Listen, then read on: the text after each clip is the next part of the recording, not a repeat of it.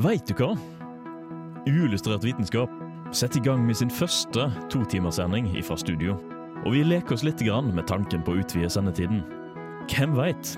Kanskje det gir meismak. Vi skal i denne første episoden snakke om hvilke utfordringer vi som mennesker står overfor med tanke på overlevelse på jorden, og hvorfor vi ikke har oppdaget liv andre steder ennå. Hallo, hallo, hallo, og hjertelig velkommen til denne ukas sending av Uillustrert vitenskap. Mitt navn er Andreas Haugland, og med meg i studio i dag har jeg Andreas. Hallo. Jeg har Kristine. Hei, hei. Og jeg har Martin. Hallo.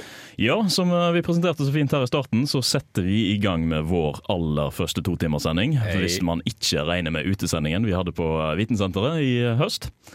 Det blir veldig spennende. Vi har forberedt oss masse og håper at eh, dere kommer til å like det vi skal presentere for dere nå i dag. Eh, like masse som vi liker å snakke om dette her som vi skal snakke om.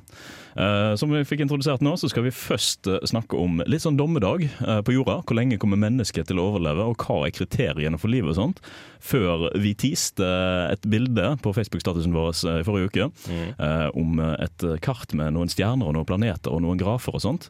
Før vi skal da snakke om astrobiologi og hvordan vi finner liv i verdensrommet den neste timen. Det blir eh, veldig spennende. Jeg ser fram til det, og, og håper, håper dere òg gjør det. Mer vitenskap til folket er bra. Mer vitenskap til folket. Vi skal, før vi kommer så langt, høre en låt her.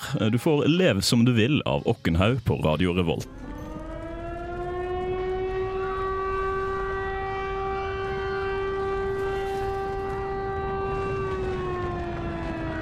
Det skal sies at liv har overlevd utrolig mye rart opp gjennom tidene.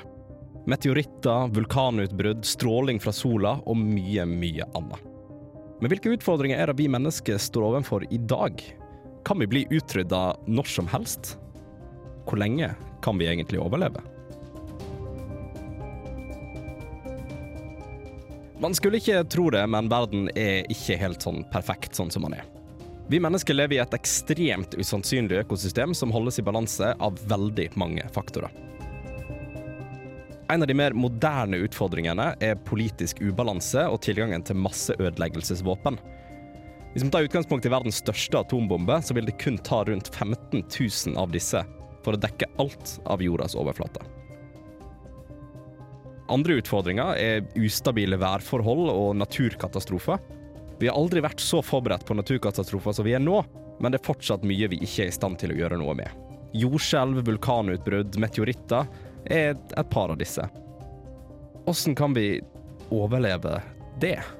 This is Alan Moore, and you're listening to Unillustrated Science. Det er helt riktig, Alan Moore, og du hører fortsatt på Radio Revolt. Ja, dette her åpner jo eh, vår første time i sendingen med å etablere at vi står overfor en hel del utfordringer dersom vi som menneskehet skal klare å overleve på jorda fremover. Ja, vi gjør jo det, og jeg syns det, det er veldig interessant det faktum at vi på en måte lever i det jeg nevnte i stad, at vi lever i et så utrolig ømfintlig økosystem som vi gjør. Altså Det er så mange faktorer som liksom opprettholder måten vi kan leve på. og det altså Alt ifra liksom det at vi har uh, altså magnetismen rundt jorda, eksempel, og ting i balanse. Det at vi har beskyttelse fra radioaktiv stråling fra sola. Um, det at temperaturene ligger liksom akkurat greit nok til at vi mennesker kan overleve så å si overalt på jorda. Um, det syns jeg er veldig interessant. Og det er jo de samme kriteriene på en måte måtte stilt til andre planeter. Det kommer vi inn på senere og sånt. Men det er så interessant at vi bare sånn Ja ja, vi bare ble intelligent liv, vi. Ja. Det, Altså, det, har jo, det har jo utviklet seg, som vi snakket om under Jordas historieserien for et års tid tilbake, eh, så har det jo utviklet seg over veldig lang tid, dette her. ja, ja. Men det er et nesten uendelig antall med tilfeldigheter som skal til for at det har blitt oppfylt og kommet til der vi er i dag. Og nå er vi blitt så intelligente at vi kan sitte her og reflektere over at nå kan det hende jorda går under når som helst. ja. Uh, det skal jo sies at vi, vi kan egentlig starte med den garanterte måten vi dør på. Ja. Uh, for at det er veldig gøy. Uh, Alderdom. Nei, vent, det var individet, da. Det var individet. Eh, det er jo åpenbart det at sola kommer på et tidspunkt eh, til å ekspandere. Mm. Og kommer på et tidspunkt til å bare svelge jorda med seg, og det er som om ingenting hadde vært der noensinne. Ja, En rolig stjernedød, rett og slett. En rolig stjernedød. Og vi er litt sånn kjipt at vi har en stjerne så nærme oss, egentlig. Selv om den er en veldig viktig del av den balansen. Um, men det er jo flere milliarder år til, så vi har jo tid. Ja, hva okay. er det nå ca. halvveis i sola sin levetid? Er vi kommet? Ja, Omtrentlig der. Ja, vi er vel litt bak, tror Litt, jeg. litt bak halvparten. Ja. Og halvparten er omtrent 500 milliarder år. Ish. Ish, ja. Så vi har, vi har god tid ennå. Eh, men det er jo det at vi Klarer vi å overleve frem til den tid? Klarer vi å overleve frem til vi skal dø? Det er lenge. Det er lenge. Uh, altså, jeg tenker jo Det viktigste å nevne er jo den åpenbare, moderne katastrofen som står muligens foran oss, og det er jo det med politisk ubalanse. Det at vi mennesker er i stand til å ødelegge oss sjøl, er litt kjipt. Uh, og det skal jo sies at den, Jeg nevnte jo den største atombomba som er, som er detonert, er jo Tsar-bomba, som er russisk.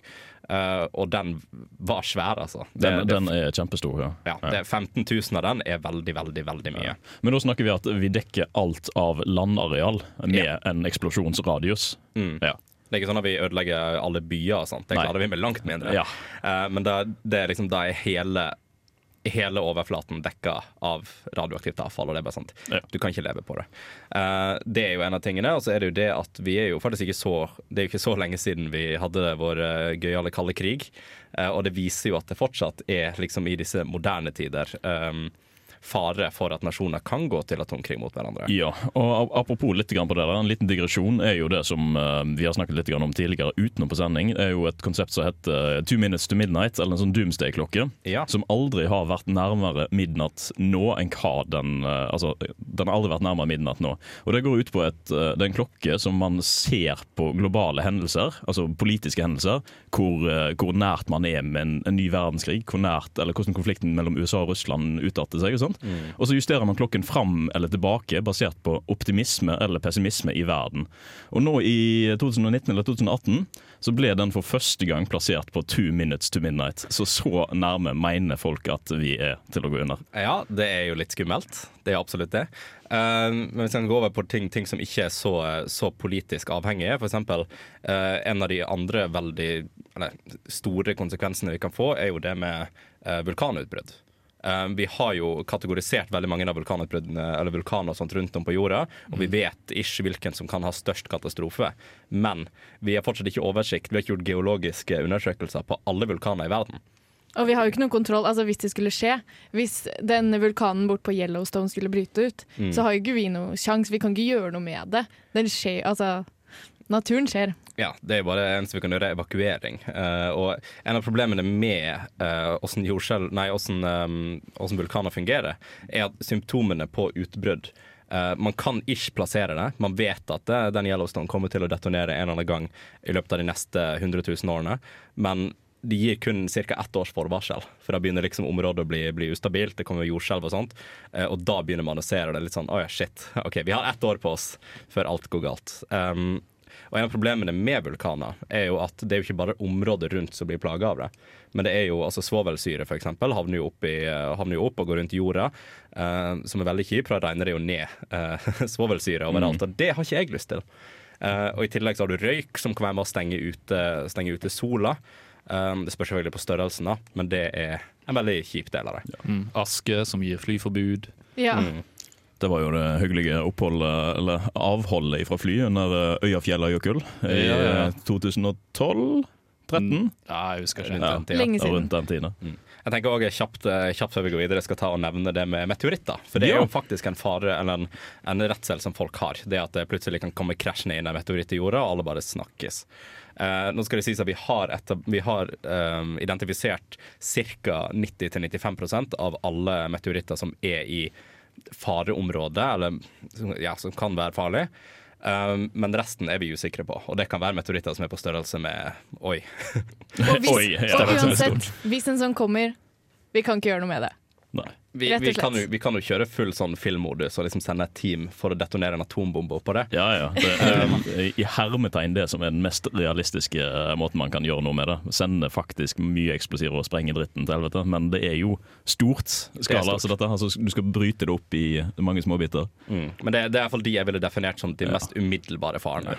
På den siste så kan vi jo eh, enn så lenge takke Jupiter for å være så stor og, og ja, mm. trekke til seg det meste av asteroider. For eh, vi har jo et lite kuiperbelte mellom Mars og Jupiter som egentlig hadde flydd litt mer fritt hvis det ikke hadde vært for eh, Jupiter sitt eh, gravitasjonsfelt. Takk, Jupiter. Takk, Jupiter. Så eh, vi tar noen minutter med musikk for å takke Jupiter for sin jobb, før vi går videre til hvordan skal mennesket overleve. Du får da her siste rest av Show Me Love av Samo på Radio Revolt. Hva er egentlig greia med klima? Klimamøte. Vennligere klima. Eh, Klimatiltak. Klimatiltak. Klimaendringer. Klima. It'll get cooler, it'll get warmer, it's called weather. På uillustrert vitenskap. Det har blitt mer og mer sannsynlig at menneskene en gang drar til Mars, eller også andre planeter. Men hvorfor trenger vi andre steder enn jorda? Jo, det har seg sånn at hvis menneskeheten skal overleve på lang, lang, lang, lang, lang sikt, og overleve slike ting som kan skje, som f.eks. naturkatastrofer, asteroider, atomkrig eller overbefolkning, så trenger vi et annet sted å bo. Eh, Stephen Hawking sa jo også det at eh, hvis vi skal ikke bli utryddet som menneskehet, så må vi ut i verdensrommet. Men vi har jo også andre grunner til at vi har lyst til å dra ut i verdensrommet og ikke må. Og det har jo med at eh, verdensrommet har masse ressurser, sånn steiner, verdifulle mineraler, mer plass som vi kan leke oss på, og det med å spre vårt liv og vår fantastiskhet ut i hele universet. Men hvis vi skal overleve på en annen planet, så er det ingenting der fra før av, sannsynligvis. Vi må lage alle disse tingene selv, som for eksempel vann, mat, vi må ha plass, vi må ha folk, energi, transport, tyngdekraft, strålebeskyttelse og alt man trenger for å ha det behagelig når man bor. Og alt dette, det må vi finne en løsning på å lage helt selv. Hva er den lille prikken oppi himmelen der? Er det en fugl? Er det et fly? Å, faen! Det er meteor! På uillustrert vitenskap. Det er helt riktig. Du hører på Uillustrert vitenskap på Radio Revolt. Og ja, har vi egentlig en sjanse til å overleve? Nei. Nei. Nei. Nei ok, og da går Da vi går vi til videre. neste låt. Nei, men uh, vi dis- diskuterte jo en hel mengde utfordringer vi står overfor her. Mange er langsiktige, mange har vi null kontroll over, og mange eh, kan vi som mennesker sammen eh, på en måte fikse og ordne. Men eh, forutsetningene er jo kanskje ikke akkurat der nå. Nei, altså Jeg har troen på teknologien og at vi en dag skal kunne klare å eh, lage jord, eller lage våre egne livsbetingelser der vi er. Sånn portabelt hus hvor du har liksom oksygen. For det er så mye ting vi trenger som vi tar for gitt, som vi har andre steder. Eh, eh, nei. Som vi ikke har andre steder. Altså Vi har det ikke på månen, vi har det ikke på Mars. Sannsynligheten for at andre Altså Hvis en planet som vi framtidig bosetter oss på, har oksygen, så kan vi være glad. Ja, Men både og nei. Altså, hvis den har kun oksygen, så er den jo veldig flambar. Jo, jo, men altså, hvis den har noe vi kan puste inn, men så må det også være riktig konsentrasjon da, av Mm. oksygen for at vi skal ha det bra. Så det er liksom sånn, vi må lage våre egne betingelser uansett hva slags annen planet vi må på. Eh, men vi får jo alltids tak i energi fra sola, og vi har jo alltids kjernekraft. Og så har de funnet sånn måte du kan beame energi med sånn mikrobølger. Det er ganske heftig.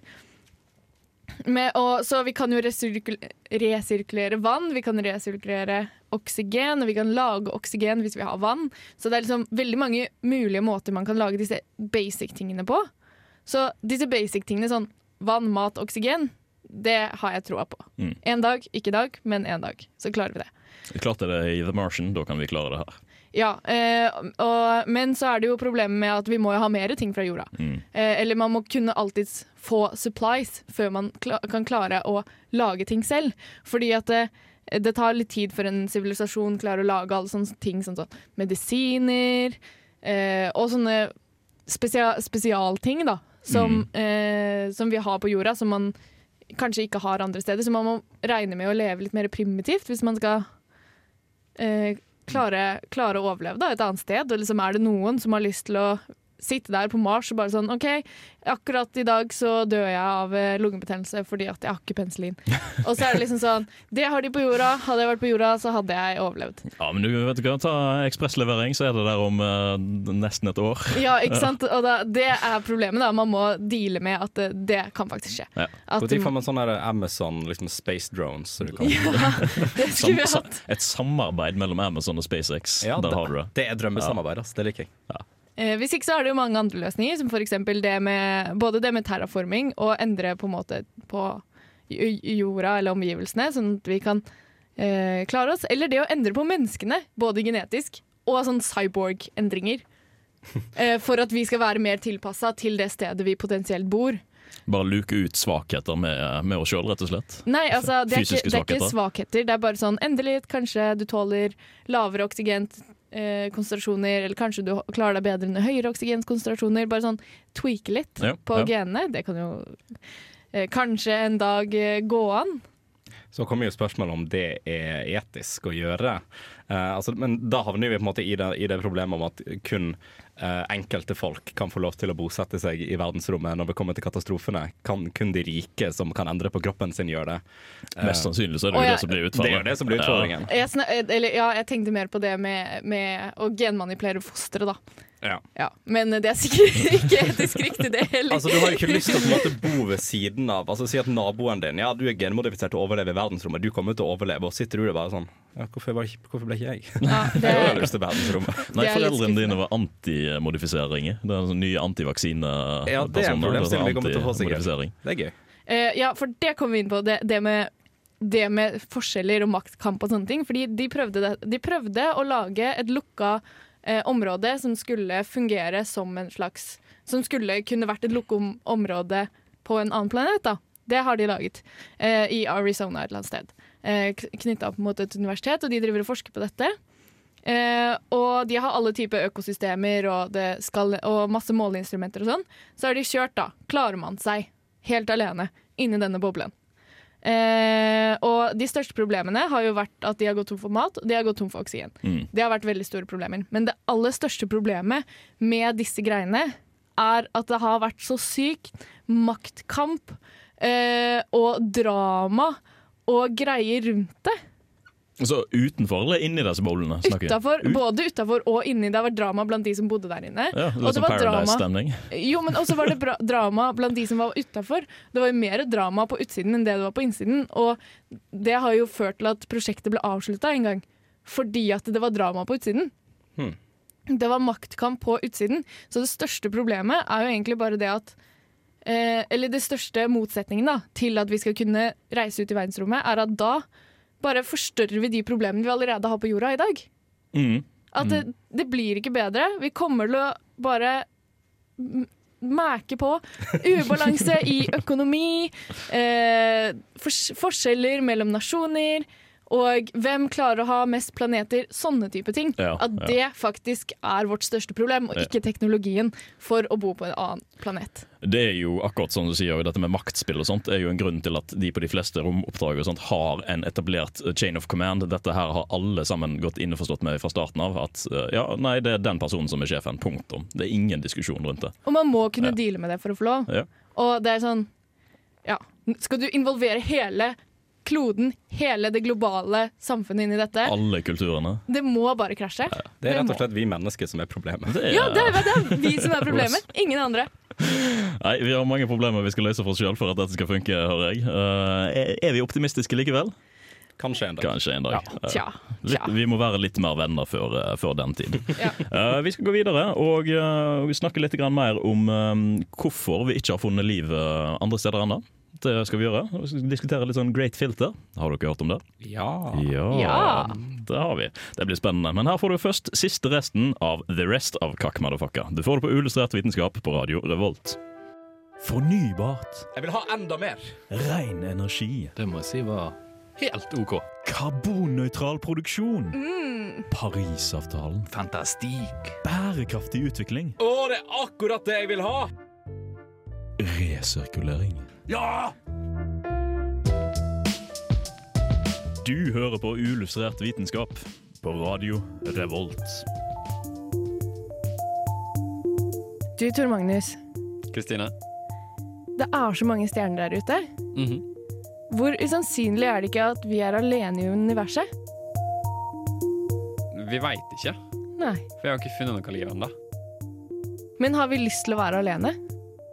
Det er akkurat det, da. Eh, vi går inn på dette med the great filter, og hvis det ikke er liv der ute, hvis vi faktisk er helt alene, så går dette inn på hvorvidt filteret ligger bak oss. Så vi har et filter som er en hendelse, Mm. og enten så har vi klart den hendelsen, eller så kommer vi ikke til å klare den i framtiden. Ja, fordi det store filteret er jo eh, i form av en stor, uoverkommelig katastrofe.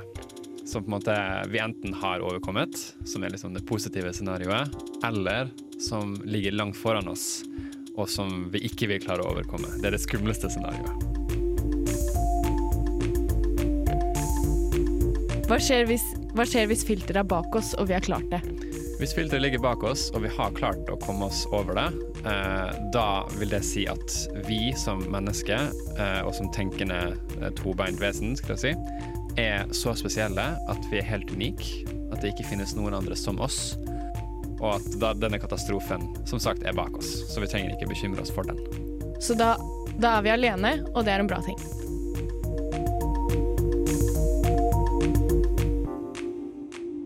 Men hvis den er foran oss, da? Hva skjer da? Jo, fordi hvis vi skulle finne liv ute i verdensrommet, så er det et tegn på at det store filteret ligger foran oss. Hvis vi finner spor av levende bakterier, så er det veldig skummelt. Hvis vi finner levende dyr på andre planeter, så er det enda mer skummelt. Men skummelt av alt er det hvis vi finner spor av sivilisasjoner som har levd. Gamle ruiner, slike ting. Eh, dette vil si at det har vært en avansert sivilisasjon der ute som har eh, nådd det store filteret og møtt sin ødeleggelse. Og hvis vi faktisk finner noen slike spor der ute, da er det mest sannsynlig at vi er på en vei av selvødeleggelse. At vi, liksom, vi vil komme dit, vi òg, og nå det store filteret og ikke klare å komme over det. Fordi det, de, de klarte det ikke, så da er det ikke sannsynlig at vi klarer det heller. Nettopp. Så hvis vi ikke er alene i universet, Mm. så er det en dårlig ting, egentlig. Det er en veldig dårlig ting. Eh, Vi vil helst ikke finne liv der ute. I'm James Randi, and you're listening to Unillustrated Science. Det gjør du. Du hører på Uillustrert vitenskap her på Radio Revolt. Og dette her var jo da eh, teorien om det store filteret. Hvordan, eller hva som må til for at vi skal overleve. Ja, eller det er på en måte Det er på en måte en slags forklaring på hvorfor vi ikke har funnet liv ennå. For det er sånn statistisk sett Du kan google utregningen, men det skal være altså, ja, statistisk sett da 100 000 intelligente sivilisasjoner i vår galakse. Eller i hvert fall 100 000 ganger der liv har oppstått i vår galakse. Ja, det, Ak akkurat her og nå, liksom. ja, og det, det snak, da snakker vi kun vår galakse, og det finnes mange milliarder galakser Ja, som vi og til. akkurat her og nå. Ja. Og hvis du skal se all tid tilbake og all tid framover, så er det også veldig mye Altså masse. Mye mer. Så det er sånn Det burde vært liv der ute. Hvorfor har ikke dette skjedd? Eh, og så er det da at noen sier at det, det er da dette the great filter. Det er eh, en, noe som er så usannsynlig, som gjør at alt liv som har oppstått, har utryddet seg selv. Eller så er det rett og slett så usannsynlig at livet oppstår i det hele tatt at um, Ja, at uh, det bare har ikke skjedd med noen andre Mm, enn oss.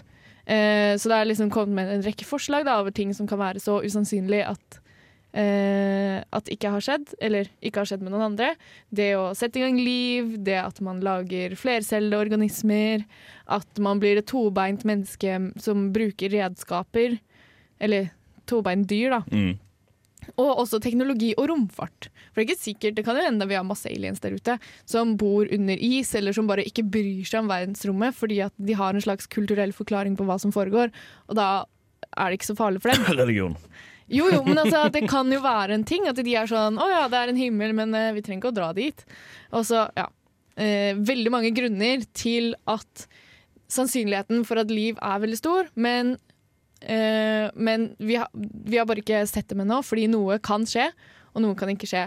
Eh, som, eh, som gjør at eh, vi er alene, da.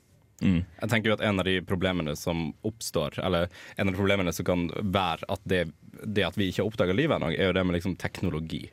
Eh, at en har for eksempel, Det er jo sånn som ble nevnt, eh, ble nevnt i saken nå, at eh, det kan være liv som er på en måte så eh, avansert der ute at eh, um, at vi på en måte ikke vil være i stand til å kommunisere med det. Vi er for primitive. Som er en veldig interessant måte å se det på. Eh, altså en, en ting de har diskutert rundt akkurat temaet med Great Filter, er jo det at Si at det er en så avansert sivilisasjon der ute at at vi blir for primitive, så er det det samme for oss å prøve å forklare det til et eller annet dyr på jorda. Det er bare sånn, ok, Vi kan fortelle en hund eller et ekorn eller hva som helst eh, om vår sivilisasjon, forteller alt, men de vil jo aldri forstå det. Ja. Like, så går det jo òg det med måten man kommuniserer på. Vi prøver jo å sende radiobølger ut i verdensrommet, det er jo det vi gjør. Men hva om disse sivilisasjoner som enten bruker noe annet enn radiobølger til å sende langdistansemeldinger, eller ikke klarer å ja, altså, forstå radiobølger, rett og slett. Det, er jo, det er jo en tilfeldighet som skal til for at man oppdager at hei, vi kan sende signaler, eh, altså dekomponere lyder, sende det som elektroniske altså signaler, og så rekomponere dette her og få lyd ut igjen. Det er jo en ganske kompleks uh, oppdagelse, det også. Ja, altså det er ikke sikkert de har sine Altså Hvis de har satellitter, så er det ikke sikkert de retter dem ut Eller mottakere. Så er det ikke sikkert de retter det ut mot verdensrommet. Altså Du må ha ganske svære saker for at ja. Så hvis de ikke bryr seg om verdensrommet, så, Så- så skjer det så skjer det ikke. Men jeg føler samtidig at det er, det er naivt uh, litt sånn som jeg nevnte tidligere, det er naivt å tro at det ikke finnes liv. Det er bare at vi er ikke i stand til å oppdage det. Men så kan det også hende at det livet har oppstått så mange ganger. Uh, bare at de har ikke klart Altså det har blitt på bakteriestadiet, da. Mm. Og uh, hvis det ligger bakterier på masse andre planeter, så vet ikke vi det, fordi vi har ikke sendt Vi har ikke prøvd å dyrke bakterier fra andre planeter. Nei, Vi har ikke jo- vært der. Det er jo ganske vanskelig å sende, komme seg i hvert fall utenfor vårt solsystem eh, pga. distansene. Så det er jo kun i vårt solsystem der vi har muligheten til å sende noe bort for å grave litt i jorda. Så, Ja. eh, Vi kan ikke akkurat sende det til neste solsystem. Nei, og vi har jo ikke prøvd, eller jeg vet ikke om vi har prøvd å hente ut noe fra Mars, og så kom til, komme tilbake igjen og dyrke det. Nei, ikke tilbake til jorda med det. Og da ville den sannsynligvis ikke blitt dyrket her heller, fordi at du måtte ha de riktige eh, hva heter det, forutsetningene som er på Mars for at det skal gå. Og det er liksom sånn Det blir vanskelig. Veldig vanskelig. Det er sånn På jorda så sliter vi med kulturforskjeller, men det er liksom sånn Det er ganske ja, mer avanserte forskjeller da, ute i verdensrommet. Er det våre problemer på jorda som er størst, eller er det Mars sine problemer? Ja, det er. Altså, en av, litt av tematikken som dere kom inn på òg, er jo det med om vi har lyst til å bli funnet. Det er jo det konsekvensene av å bli funnet. Hvis vi har en megaavansert sivilisasjon med Star Wars-romstasjoner rundt i hele verden, og de ser på oss som primitivt liv, vil de da ta oss i betraktning i det hele tatt? Det er bare sånn, ja, de er bare mennesker. Altså, hva er det for noe? Det er bare sånn De lager jo kjøtt og lever i under 100 år. Herregud. det er jo helt teit. Uh, så hvorfor skal vi gidde å Vi tar bare ressursene deres, vi gidder jo ikke mer. Nei, sant. Så det er jo sånn eh, Sjansen hvis vi skulle finne, finne intelligent liv, er jo det at vi kanskje har blitt utrydda sjøl av det. Og så Ja. er det jo òg problemet med f.eks. sykdommer. Sykdommer som kommer fra verdensrommet, det er jo en grunn til at de som kommer tilbake fra månelandinga, ble uh, satt i karantene så lenge. For vi, var, vi ville ikke ha liksom space- space-meslinger. Men det er jo- Men det er jo også det, er jo også det med at uh, Det er også det med at uh, den Great Filter-saken snakker om, er at hvis det er masse annet intelligent liv der ute, så kan det faktisk være sånn at det er noe som gjør at alt intelligent liv eh, også utsletter seg selv, som blir en stor katastrofe. Og vi har klart oss veldig fint fram til nå, men eh, sannsynligheten er veldig høy, siden det har skjedd med veldig mange andre alien-sivilisasjoner der ute, at nå eh, at det kommer til å skje med oss også, da. Vi står overfor en sånn slags hendelse som kommer til å utrydde oss, for den har utrydda alle andre òg. Og det er jo kun de siste, det siste hundre året egentlig at vi som mennesker har hatt the means of destruction, altså self-destruction. Altså at vi kan klare å utrydde oss sjøl med våpen. Eh, Det er jo kun det siste hundre året, egentlig. Og kanskje, kanskje det er det som kommer til å skje med oss. Altså, sannsynligheten nå for at vi utsletter oss selv er mye, er ganske høy. Uh, og at hvis det er liksom the great filter, er at eh, en eh, sivilisasjon blir bare Den blir så intelligent at eh, de bare, det går helt fullstendig av hengslene. Og så blir det krig, og så utsletter de seg selv. Uansett hvor stor, store eh, stor sivilisasjonen har blitt. Altså, du kan jo spre det utover flere planeter, så kan de planetene ha sånn der full sånn Star Wars-krig. Og de vil fortsatt utrydde seg selv. Ja. Så det er også noe av tanken, da, at hvis, hvis vi er unike, så er det kanskje bra. Men hvis vi, hvis vi er alene Nei, hvis vi ikke er alene i verdensrommet, så er det kanskje dumt, fordi da kan, det, kan vi utrydde oss selv. Mm. Rett og slett. en, en kan jo på en måte se den altså, det, er jo, det er jo teorisert på hva The Great Filter kan være, men det er jo ingen som vet det spesifikt hva den utfordringen er. Eh, og den utfordringen kan jo f.eks. være stjernedød. Eh, at det er det som på en måte har eh, At det, intelligent liv, eller sånn som liv er nødt til å oppstå på andre planeter, så er det nødt til å ha de um, De Å, gud. De økologiske um, eh, Betingelsene. Betingelsene var ordet jeg lette etter. Betingelsene som vi er nødt til å ha. Um, og hvis de òg er nødt til å være så nærme en stjerne, så er det sånn at da vil jo den stjernen dø etter hvert òg. Mm. Det er jo mye høyere Hva heter det? Mye lengre tidsperiode da, å Ja, snakke om. jo, jo, men det kan jo være at uh, dette livet oppsto så seint på den planeten at stjernen var i sin sluttfase. Ja. Uh, og da er man jo ille ute. Hvor lenge har jorden vært nå? Cirka fire Fire og en milliarder? Fire og en halv fire og en halv milliard? milliard ja. Og eh, hvis du da er i en liten stjerne som har litt, lite brensel, så kan det jo fort hende at den dør uh, ganske så snart, snart etterpå. Mm. Ja.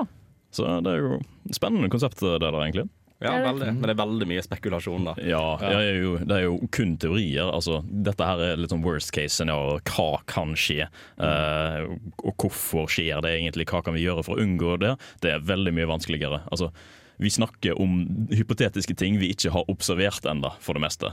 Og hvis, hvis, hvis noen av disse tingene skjer, så blir det jo bare så helt insane at vi kommer til å glemme å tenke på dette da. Mm. For da har vi mye andre ting å tenke på. Mye andre ting. å Ja, tenke på. langt frem i tid, eller så er det neste uke. Ja, hvem vet, hvem vet. Eh, vi skal videre i sendingen og snakke litt mer om eh, hva vi skal gjøre hvis vi finner liv på andre planeter. Før vi kommer så langt, så skal Lill Halime ta oss med til vår planet, faktisk. Til, her får du låten 'Take Me To Your Planet'. Du får det på Radio Revolt.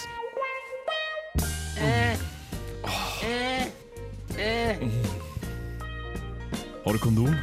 Ja, jeg har allerede tatt på meg tre lag, bare for å være sikker. Åh, dritbra. Se her, jeg knuste noen p-piller også. Snart de for å være sikker. Jeg vil ikke bli gravid. Å, nydelig.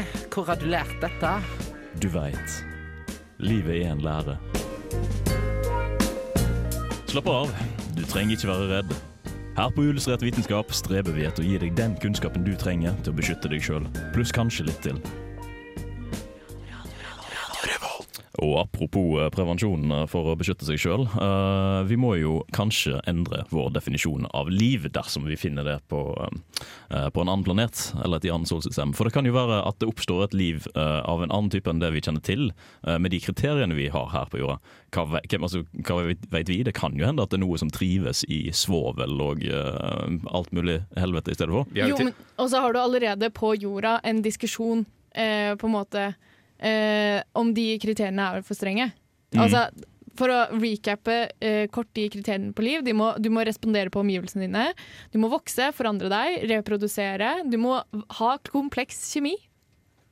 Mm. Ja. Er ja. mer definert enn kompleks kjemi. Eh, nei. Eh, du må være laget av celler. Mm. Eh, du må bruke energi, og du må kunne Og du har DNA som du kan eh, arve bort til dine eh, etterfølgere.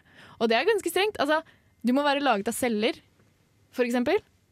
Det, eh, det er jo, eh, disse kriteriene er jo laget sånn at virus ikke er levende. Mm. Men hadde du funnet virus eh, på Mars, si da, hadde du definert Det som det som levende. Ja, Det ja. lurer på om det hadde vi kanskje gjort, bare fordi det var sånn, sånn at vi kunne si sånn Å, vi fant liv.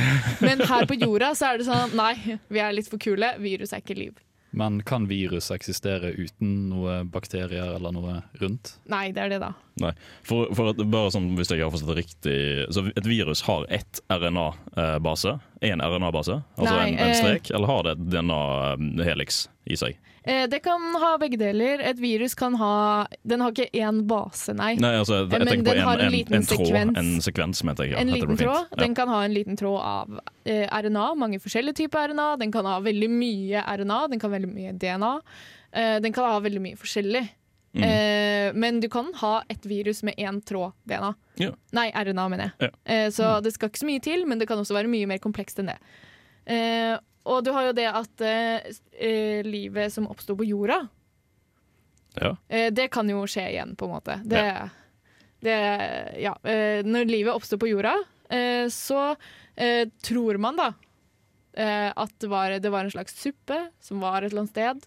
Eh, og så skjedde noe med den suppa. Den fikk varme, elektrisk støt, noe som helst. Og så ble det til eh, aminosyrer. Sånn eh, aminosyrer og til RNA.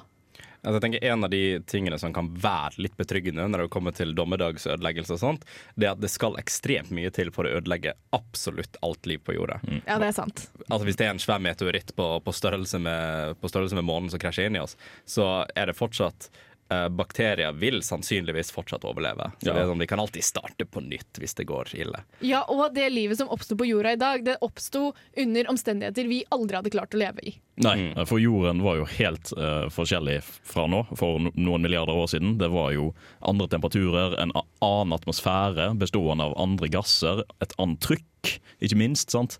Ja, Det så det er, det er en faktor. Og så er det sånn, så har man tenkt seg da at uh, OK, RNA var det som startet vår uh, på jorda hos oss. Tenkte man, kanskje. Mm. Eh, det, men så har man funnet ut det kan jo også ha vært DNA. Det kan jo også ha vært eh, andre typer av eh, sånne molekyler, sånn som PNA og TNA. Hold dere fast. Ja. Eh, og at eh, det er faktisk flere molekyler som ligner, som ikke har funka på vår jord, men som noen har klart å lagre i et laboratorie. Eh, som ikke har, ja, det har ikke fungert i vår natur, men noen har klart å lage det i et laboratorie, så hvorfor har ikke det skjedd på andre planeter?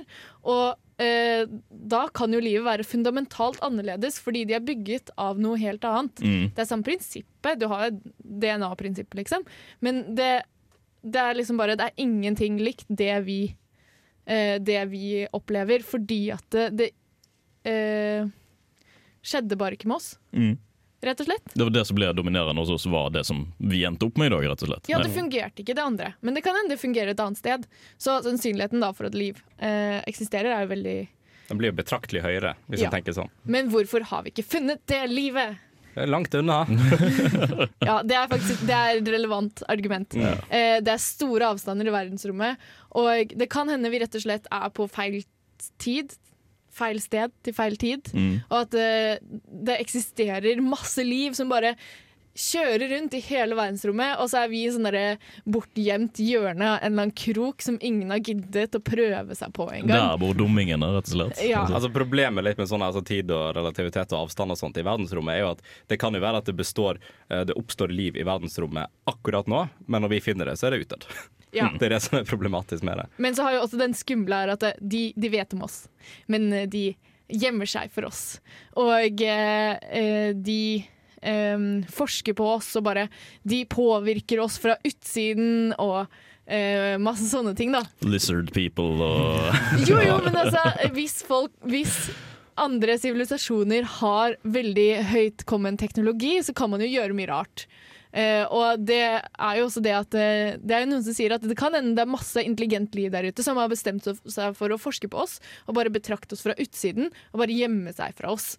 Eh, og det er jo litt morsomt, da. Vi er som litt sånn gullfiskbolle, så de bare sitter og Ja! trykker på vinduet på. Vi Jo, jo. ser det ikke. Men det kan jo også være, da. Men sannsynligheten for at det bare ligger en bakterie et eller annet random sted på bunnen av et hav, det vil jeg tro er mer sannsynlig. Veldig fascinerende, egentlig. For det er jo et ekstremt uh, komplisert uh, tilfelle, det som har skjedd her på jorda. Uh, at vi har klart å få liv, at vi har klart å komme oss så langt. Og det har tatt veldig lang tid. Um, vi har snakket mer om dette med oppståelse av liv i, i serien vi hadde om jordas historie. Første episoden der tok for seg de første epokene, eller alle epokene, og så tok vi litt grann nærmere kikk på eh, liv. Så hvis du har lyst til å høre mer om akkurat dette her, hvordan livet oppstår og sånt, ta gjerne en eh, kikk tilbake til episodene våre fra 2018 og hør på det. Vi begynner dessverre å gå mot en slutt på den første timen, men frykt ei, vi kommer tilbake med en time til. Så dersom du hører på dette her live, sitt deg ned i stolen din. Eh, kanskje du kan hente deg en kopp med te før den tid, og eh, vær klar. For nå kommer astrobiologi og verdensrommet. Eh, vi skal runde av eh, dette her om eh, et lite minutt eller to, men uh, før vi kommer så langt, så skal vi høre siste del av Blurry Precise av Teamy. Du får det her på Illustrert vitenskap på Radio Revolt. Because I can tell you something, and then you just look at me and say I'm crazy. What do you think tap water is? It's a gay bomb, baby. Altså, det er det en ting du må forstå, og det er jo at vaksiner faktisk gir autisme. Myndighetene prøver bare å sprøyte oss gjennom flystriper og chemtrails. Feministene tar over verden, og det er regjeringa sin skyld. Nå er ikke jeg noen ekspert, men det her er jo åpenbart. Det er snø i mars i Trondheim, så jeg har ikke sett noe til global oppvarming. Og så må vi jo snakke om 9-11. Alt er bare en konspirasjon. Eller er det det? Ja. Ja, OK. okay. Det er, Var det svaret du ville ha? Egentlig ikke. Jeg vil, vil si meg uenig i ditt svar. Nei, ingenting er en konspirasjon, og ingen har noensinne løyet til oss noensinne. Apropos konspirasjonsteorier, det var vel forrige episode. da Så Ja. hvis ikke du har hørt den ennå, så kan du gå tilbake og høre på den. Hey! Plugg, plugg, Ja. plugg. Det må jo sies. Eh, Vi har jo snakket nå eh, den første timen her om eh, mye spekulering og mye, mye eh, hypotetiske ting, egentlig. Det har vært masse dommedag uh, der vi har uh, diskutert om vi klarer å overleve dette her i det hele tatt, og Mm. hva som kommer til å skje med oss med tiden. Ja, Så hvis vi, må, hvis vi skal overleve, så må vi sannsynligvis ut på jorda. Nei, Ut av jorda, ut fra jorda. ut av jorda. Ja. Eh, og hva vi gjør der, det er opp til fremtidens barn å bestemme. Fremtidens Det slipper barn, vi å deale med, så det er Ja, kjempefint. Det er uansett lenge etter vår levetid, er det ikke det? Er det sånn at millennialsene er de som har eh, fuck it-attitude til eh, verdensproblemer, eller er det de som kommer etter oss eh, som Nei, har det? neste millennials, da. Neste millennials? Ja. ja. Det er de jeg har troa på. Ja, akkurat, ja. Fascinerende. Nei, men vi skal, som Kristine nettopp eh, hintet litt til, ut til verdensrommet i den neste timen og diskutere hvordan vi faktisk oppdager planeter eh, der ute, og hvordan vi kan finne liv der ute. Hva er kriteriene for at vi, eh, at vi har en habitabel sone, som det kalles på fint, og alt mulig rundt omkring det. Hvilke prosjekter har vi gående, og hvordan kan vi drive med interstellarisk reise? Du får det om litt grann. Før vi kommer så langt til det, så skal vi høre Wingside av Divest. Du får det her på Ulesrett vitenskap på Radio Revolt. Vi setter i gang med andre del av vår første to timers sending. Dersom du ennå ikke har hørt første del, der vi snakker om hvorvidt vi som mennesker har sjanse til å overleve på jorda, så hopp tilbake en episode og lytt på den først. Vi skal i den neste timen snakke om astrobiologi og se på hvordan vi finner liv i verdensrommet, hvilke kriterier man har for å sannsynligvis oppdage liv, og om vi kan reise mellom stjerner. Hallo, hallo, hallo, hjertelig velkommen tilbake til oss her i studio. For de er her fortsatt, faktisk. Uh, med mindre du hører på reprise, for da kan det hende at vi ikke er her. Men akkurat nå så er vi her. Hey. Mitt navn er fortsatt Andreas, og med meg i studio har jeg Andreas. Hei. Jeg er Kristina. Hei, hei. Og vi har Martin. Hallo. Vi må jo ta den tradisjonelle introen, sånn at ikke folk eh, mister følelsen av eh, hvem vi er, egentlig. Plutselig så hører de på noe og så bare Hæ, hva skjedde? Hvem er disse menneskene? Ja, sant. Det samme stemmen som har vært med i mange år nå. noen av dere er. Nei. Nei, du er ny, du, forresten. Ja, hei. Hei. Hva heter du? Andreas, Ja, mors- selvfølgelig. Morsomt, morsomt. Kan du fortelle meg en fun fact? Hva betyr Andreas, eksempel? Eh, Andreas det betyr eh, mann eller mandig, men det kan også bety modig. Ja, Ja, ja, ja. det Men eh, vi, forrige Det vi snakket om tidligere, var at eh, eh, hvis vi skal Vi konkluderte vel egentlig med at eh, hvis vi skal overleve som art, så må vi ut i verdensrommet. Akkurat sånn som Stephen Hawking sa. Han hadde rett. Eh, og nå, eh, hvordan skal vi finne liv? Hvordan vi skal finne liv? Nei, hvordan skal vi finne et sted vi kan bo? Ja, Det er vel egentlig det det går i. Det er det det går i. For astrobiologi er et fagfelt som ikke er så veldig eh, utbredt akkurat nå, fordi det er ikke bevilget så veldig mange millioner kroner til dette prosjektet. Det finnes astrobiologer på ESA, altså Europeisk Space Agency, og på NASA, eh, som jobber med dette her. Og Lynn Rothschild, som vi hadde intervju med under Stamus-festivalen i 17 var det, er en astrobiolog eh, som eh, da jobber med denne type ting. Altså hvordan finne liv i verdensrommet. I tillegg var Ravi Kanaparu, som også jobber ved NASA eh, som astrobiolog, han var på et seminar under realfagsdagene her nå i Trondheim og holdt et foredrag om dette her te temaet. Så det var jo det som er ut, eh, altså utgangspunktet for hvorfor vi skal snakke om dette her nå i dag, egentlig. Eh, I tillegg så skal vi prøve å finne ut en, om det er mulig å finne liv der ute med de teknikkene vi har uh, uh, i dag. Eller har prøvd. Eller har prøvd, ja. er det liv, eller er det steder vi kan bo, eller er det begge deler? Begge deler. I utgangspunktet så er det steder vi kan bo, og steder som har betingelser for å gi liv, i likhet med jorden. Så det er det som er- det forskes på, da. Ja. Ja. Så det er egentlig ikke alienjakt. Nei, eh, ikke så mye det, fordi det har vi ikke metoder til ennå. Å gå på alienjakt det krever stort sett uh, å kunne eh, gjøre en intervensjon eh, der man skal, og se litt uh, grave litt grann i jorda for å se om man finner bakterier og sånt. Ja. Så det vi gjør nå, det er at vi går gjennom sendingen stikk for stikk og eh, prater om eh, det vi skal prate om, for å se om vi kommer fram til en konklusjon. Uh, før vi tar første del av vår eh, sending time nå om astrobiologi, så skal vi høre en låt, og det er intet mindre enn 'Paint My Nails' av Melis. Du får det her på Uillustrert vitenskap på Radio Revolt. Kjenner du den tinglende følelsen i kroppen? Den følelsen som kommer når du kanskje føler deg litt varm. Og kanskje litt brunstig. Det kan jo ikke være noe annet enn uillustrert vitenskap på Radio Revolt.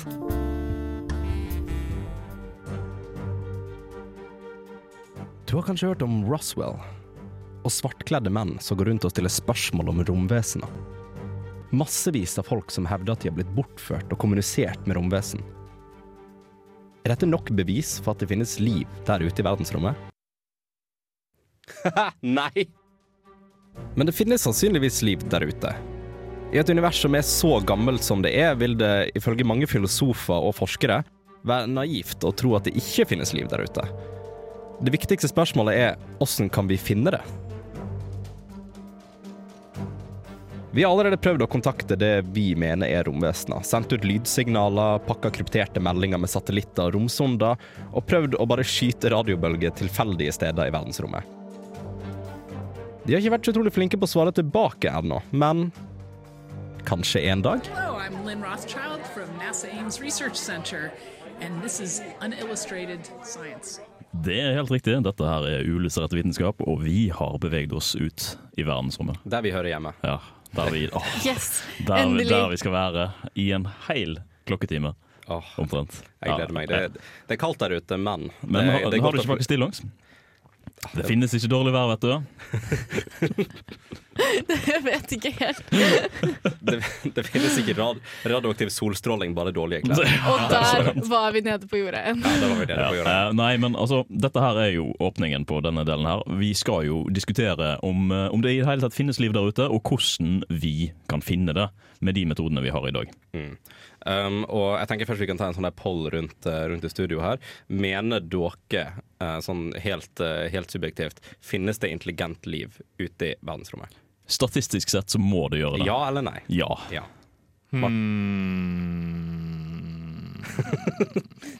Det er veldig vanskelig å si ja eller nei på det spørsmålet, altså. Vil du si kanskje? Kanskje. Ja. Hva tenker du, Kristine? Ja. Ja. Så er vi tre ja og en kanskje, da. Jeg mener det, også. Optimistisk, eh, egentlig. Ja, for det er litt sånn som jeg nevner, det. jeg føler at det blir eh, veldig naivt å tro at det ikke finnes ut. Når vi, på en måte, vi har jo ikke kartlagt eh, en brøkdel av universet engang. Vi vet ikke hva som finnes der ute. Det ekspanderer konstant, og nye galakser dør og oppstår. Det, det må jo være et eller annet som sånn, ligner på liv der ute. Det virker litt sånn som du sier, statistisk usannsynlig at det ikke er liv. Um, men det, da kommer vi litt over på et annet spørsmål. Altså, hvorfor er vi så opptatt av at det finnes liv? Er det en sånn her menneskelig nysgjerrighet? Er det det det er? Jeg vet ikke. Altså, hvorfor bryr vi oss egentlig? Altså, sannsynligheten for at det finnes liv, og at det kommer til å påvirke oss i vår levetid, er eh, Eller finnes liv, ja, men påvirkes i vår levetid. Den er minimal. Den er så minimal. Det er sånn, Hvorfor bryr vi oss? Hvis det er aliens der ute, så kan vi ikke snakke med dem noen gang. Nei, det Det er sånn Samme det. Nei, men det, det er litt, jeg tror det er en liten nysgjerrighet der for mennesket, og ikke minst fordi eh, man skal være litt sånn føre var. Dette her er the next frontier. Eh, Mm. det er å finne nye planeter vi kan dra til, nye planeter vi kan bosette oss på, ikke minst. Og eh, rett og slett utforske den nye frontieren. Fordi verden, mesteparten av verden er oppdaget allerede. Det er masse gøy som finnes enda, selvsagt, men ikke like masse som der ute. For verdensrommet er jo selvfølgelig mye kulere. Verdensrommet er i hvert fall mye større og mye mer mystisk. Vi er tom for ting å se på, det er egentlig det. Altså, det hvis du Nei, vi er ikke tom for ting å se på, men det er mye mindre uh, igjen enn det Ja, det var for det vidt 300 år Ja, siden. Hvis du sammenligner det med universet, så ja. Men for, altså, så, så- altså, nå enn for 300 år siden, tenker jeg på. ja. Mm. Men det skal jo sies, vi har jo prøvd å liksom I det håpet eh, om at det finnes intelligent liv der ute, om at det finnes verden, eh, romvesen og sånt der ute, så har vi jo prøvd å kontakte dem. Vi har jo det. Vi har jo eh, blant annet, jeg kan først nevne den som er mest populær, da, i 1977, Voyager. Eh, da ble det jo sendt opp eh, denne Twin Discs, eller Golden Discs. Og det er 71 eller 77? Jeg sa 77, ikke Jo, men det bare lurer på Voyager 1 og- Ja, samme det. Ja. Um, med Voyager, i hvert fall, det vet vi. Ja. Uh, så ble det sendt opp uh, disse golden discs, som var uh, egentlig bare et eksempel på uh, her er mennesket, sånn, sånn lever vi, sånn har vi det, i tilfelle noen skal oppdage oss. Mm. Og er det den der plata med sånn inngraveringer? Mm. Eh, for det syns jeg er veldig rart. Det er sånn noen, Si noen får den, da. Plassert i fanget. Mm. En eller er annen altså, sivilisasjon. eh, Og så bare sånn Å ja. Dette var bare, dette var bare noe uh, dritt som falt ned fra himmelen, som er veldig skada. Det er sånn, det er ikke sikkert de ser mønsteret i det engang. Men det er verdt å prøve, ikke sant? på det. Noe må gjøres, og dette var det beste. Dette var Artist eh, Proposal som vant den gangen. Ja, Nei, for sikkert. jo, jo. Ja. Men, Um, og det var jo Ja, hva tenker du? men de når vel ikke neste stjerne før om sånn 40 000 år? Ja, det er jo Det er ganske lenge til ennå. Ja. Og så skal de sende svar tilbake, og så er det plutselig Ja. Da har du glemt at den første ble sendt opp i det hele tatt. Ja, for hvilken hastighet var det vi snakket på Voyager? Det var Eh, tror det var 17 km per sekund. Ja, det er lavt. Det er veldig, veldig lavt. Um, og det skal jo sies, vi har jo prøvd å, å sende ut andre ting òg. Vi har jo sendt ut rene radiobølger, som ble nevnt. Vi skyter jo de bare rundt i verdensrommet, bare sånn kanskje noen svarer en Ja. dag. Problemet er jo da er jo kosmisk bakgrunnsstøy som dekomponerer Ja. og river signalet i stykket før det kommer så langt at noen andre mottar det. Mm. Men der var det vel 30 lyser til det stedet der de sendte den ut? eller noe sånt? Ja. Mm, jeg mener det. Det er jo ikke så ille, egentlig. Nei, da kanskje svar om 30 år til, da. Ja, altså 30 år frem og 30 år tilbake. Ja. Mm. Så Eh, men den, den er jo så mye som a receiver message, eh, som essensielt er en ekstremt Altså det er en form for Jeg husker ikke navnet på krypteringsmetoden, men det er jo den måten man kan måtte gjemme bildet i, uh, i spesifikke radiobølger som kommer ut som et mønster. Mm. Eh, og det mønsteret er essensielt bare en Altså en menneskelig skulptur. Man kan liksom kanskje beskrive hvordan, hva farger vi har på jorda. At vi har skyer, at vi har himmel og litt sånne ting. Så det er veldig veldig enkel måte å gjøre det på. Der er jo Twin Discs er jo mye, um, mye kaller bedre på det. Mm. Mm. Men vi har prøvd. Vi har prøvd, og vi fortsetter å prøve. Og uh, vi kommer ikke til å gi oss, fordi dette her er, som vi diskuterte litt i stad, det her er det jeg tror er the next frontier. Mm. Så jeg er veldig sikker på at uh, det kommer til å fortsette fremover. Du er veldig optimistisk. Jeg er så optimistisk, fordi det er altså, Greit nok, jeg kommer jo aldri til å oppleve at dette her skjer sjøl, men fortsatt. Det er jo et eh, forskningsområde som er veldig veldig spennende, og veldig mye pil til eh, ja, populærkultur. Altså. Ja, det er jo det. Gutt, guttungen som sitter på rommet sitt og ser uh, i verdensrommet, uh, ser på verdensrommet, ser på stjerner. Det er jo gøy. er jo Alle, gøy. liker jo er verdensrommet. Hvis du ikke liker verdensrommet, så er du teit. Ikke sant? Ikke sant? Men uh, litt grann tilbake til det, hvorfor vi tror at det er mulig å finne liv andre steder enn på jorda. Og det er jo det med at det er veldig statistisk usannsynlig at det ikke finnes liv. Mm.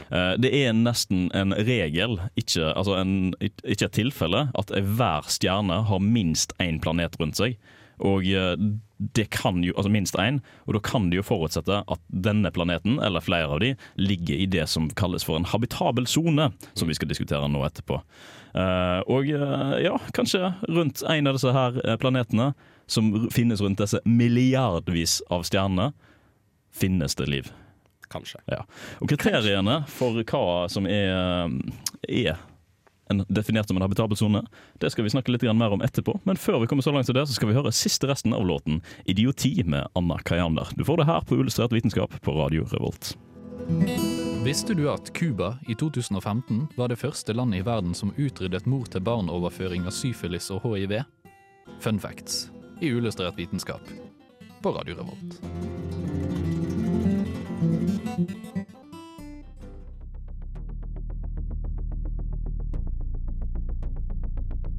Du har helt sikkert sett opp mot himmelen en klar stjernekveld. Før en kombinasjon av eksistensiell ubetydelighet og en overveldende fascinasjon i Knut Jørgen Rød Ødegård-dimensjoner tar overhånd, og du tenker selvsagt spørsmålene Er vi alene i universet? Hvordan finner vi liv i verdensrommet? Og ikke minst, hva er det som er så spesielt med jorda Og hvorfor har vi liv her, men ingen andre steder i solsystemet vårt? Vel, det er tilnærmet uendelig mange betingelser som har blitt oppfylt gjennom jordas historie for at liv som vi kjenner det, har oppstått. Men astrobiologer og astronomer har blitt enige om et lite sett med regler for det som kan kalles en habitabel sone, eller et beboelig nabolag. For der man mest sannsynlig kan ha betingelser som grunner ut i et så komplekst utfall som her på jorda. Kriteriene er sammenlignet med våre egne, altså jordas egenskaper, og tar hensyn til ting som stjernenes størrelse, planeten som er i bane sin størrelse, planeten sin avstand fra stjernen, og ikke minst om planeten har en atmosfære som består av forskjellige gasser som oksygen, nitrogen, vanndamp og karbondioksid. En planet som faller inn under disse kriteriene, kalles for en Goldilocks-planet. Altså en gullhårplanet, der kriteriene er akkurat passe bra, og ikke for varmt eller for kaldt, for stort eller for lite. Enda har vi kun bekreftet én planet med liv som faller inn under denne kategorien, og det er jorda. Men hvem veit? Kanskje om noen år, når teknologien er der og vi har observasjonsmuligheter som er noe bedre egnet enn vårt lille, men utrolig iherdige Kepler, så kan vi skrive vårt eget eventyr om en gullhårplanet i et annet solsystem.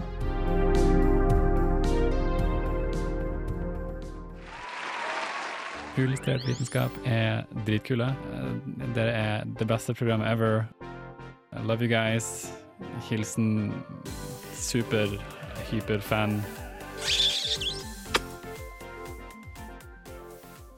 Og velkommen tilbake til oss her i studio. Vi skal nå snakke litt om eh, hva en habitabel sone er. Og da spør jeg jo dere, selvsagt. Hva tror dere det er? Hva er kriteriene, følger dere? Et sted der jeg kan bo spesifikt. Ok, der som Ripley kan bo, så Voss, altså. Ja, Voss. Ja, Stemmer. Stemmer, ja. Eh, Nei, altså en, eh, Det finnes jo litt forskjellige spekter av en habitabel sone, og det finnes disse kriteriene som jeg snakket om. Eh, De viktigste er jo avstand fra stjernen og planeten sin størrelse. Eh, Sola sin størrelse det er det som er utslagsgivende for avstanden som planeten kan være. Dersom det er liten og kald stjerne, så må planeten være nærmere. Dersom det er en stor, massiv og eh, varm stjerne, så er den habitable, sonen lenger unna enn dersom eh, den er liten og kald. Det er jo logisk. Ja, og hvor, Akkurat som en varmeovn. sant? Altså En stor varmeovn, der må du stå eh, lenger unna for å ikke brenne deg. Ja. Så tenk engangsgrill og sankthansbål. Det er de dimensjonene. Men hvor ligger da vår sol akkurat her? Den er vel ganske nærme. Den er, ja, vi er ganske nærme, men vår sol er veldig unik. Eller relle, altså på et normalt spekter så er den unik. Fordi vår sol er en mellomstor eh, sol, eh, stjerne. Den er gul og ganske varm sammenlignet med de røde små dvergene. Mm. Eh, som jeg tror det er omtrent eh, Hvis du tar 100 stjerner, så dannes det 60-70% røde dverger, og så er det et lite antall eh, av de andre resten. da.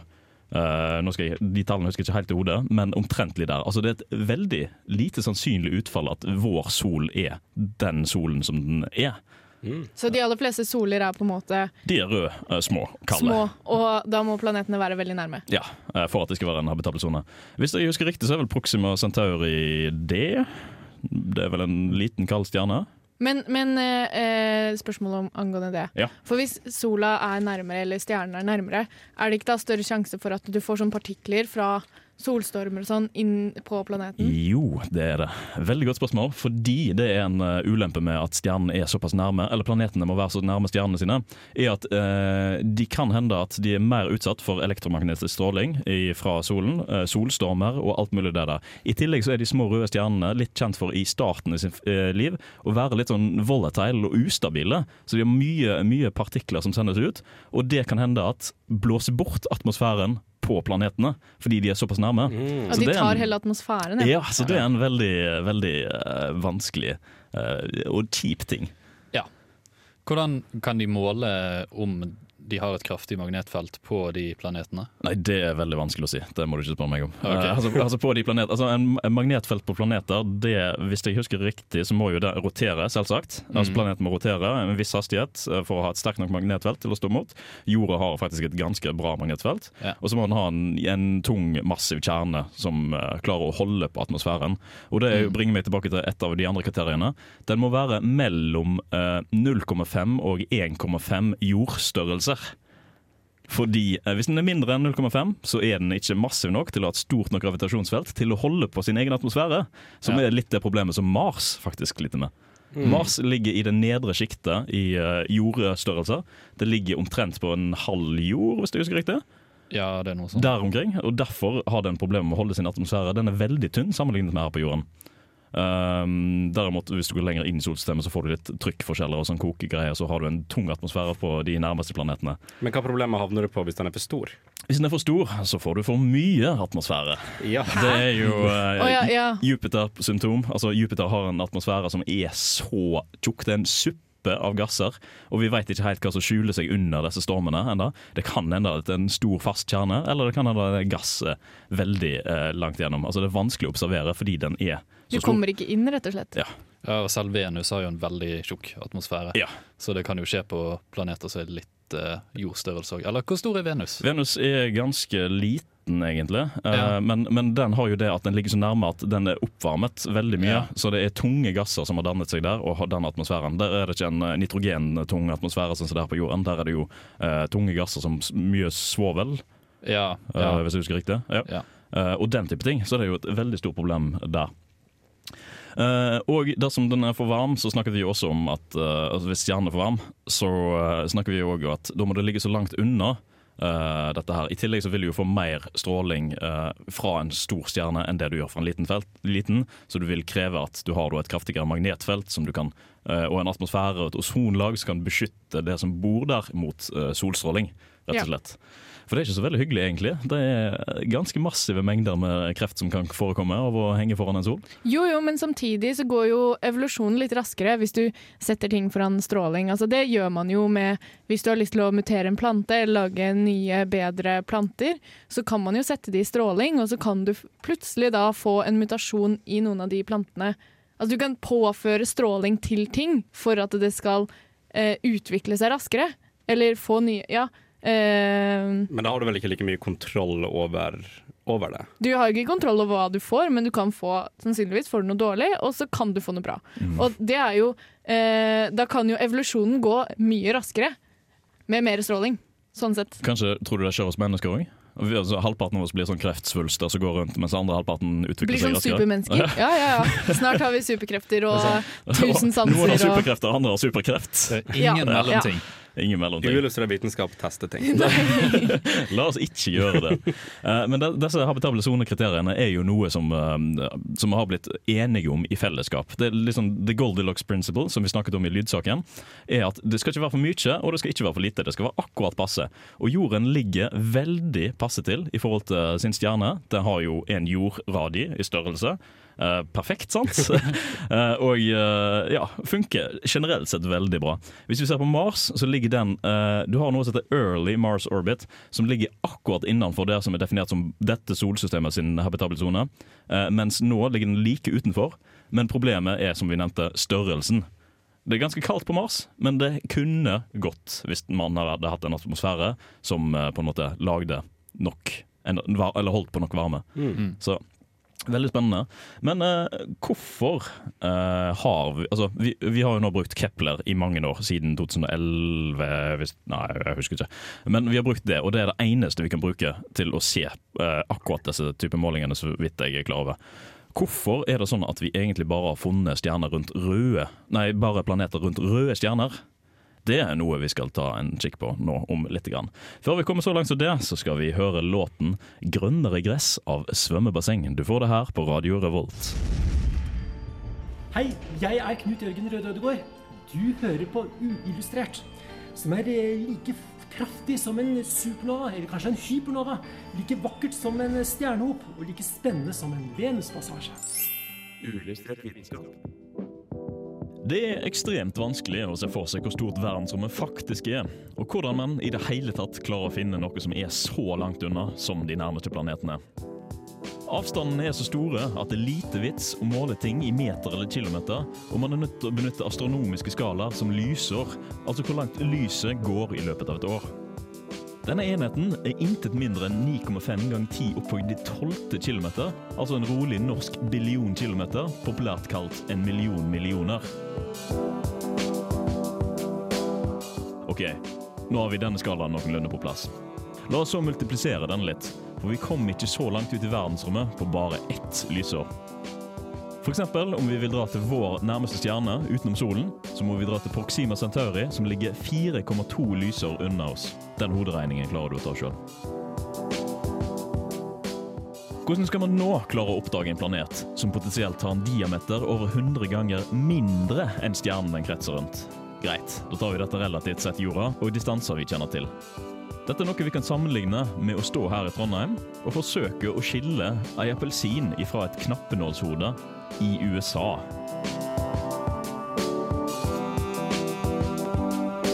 Dette er noe som har vist seg å være en enormt vanskelig og tidkrevende prosess å kunne verifisere nye planetkandidater. Og det er kun visse typer stjerner vi klarer å identifisere eller verifisere planeter rundt med den teknologien vi har ute i dag. Til tross for dette har astronomer og astrobiologer arbeidet iherdig med de dataene som Kepler har gitt oss, og klart å finne i underkant av 5000 eksoplanetkandidater og verifisert omtrent halvparten av de. Men hvordan har dette skjedd? Jo, nå skal du få høre.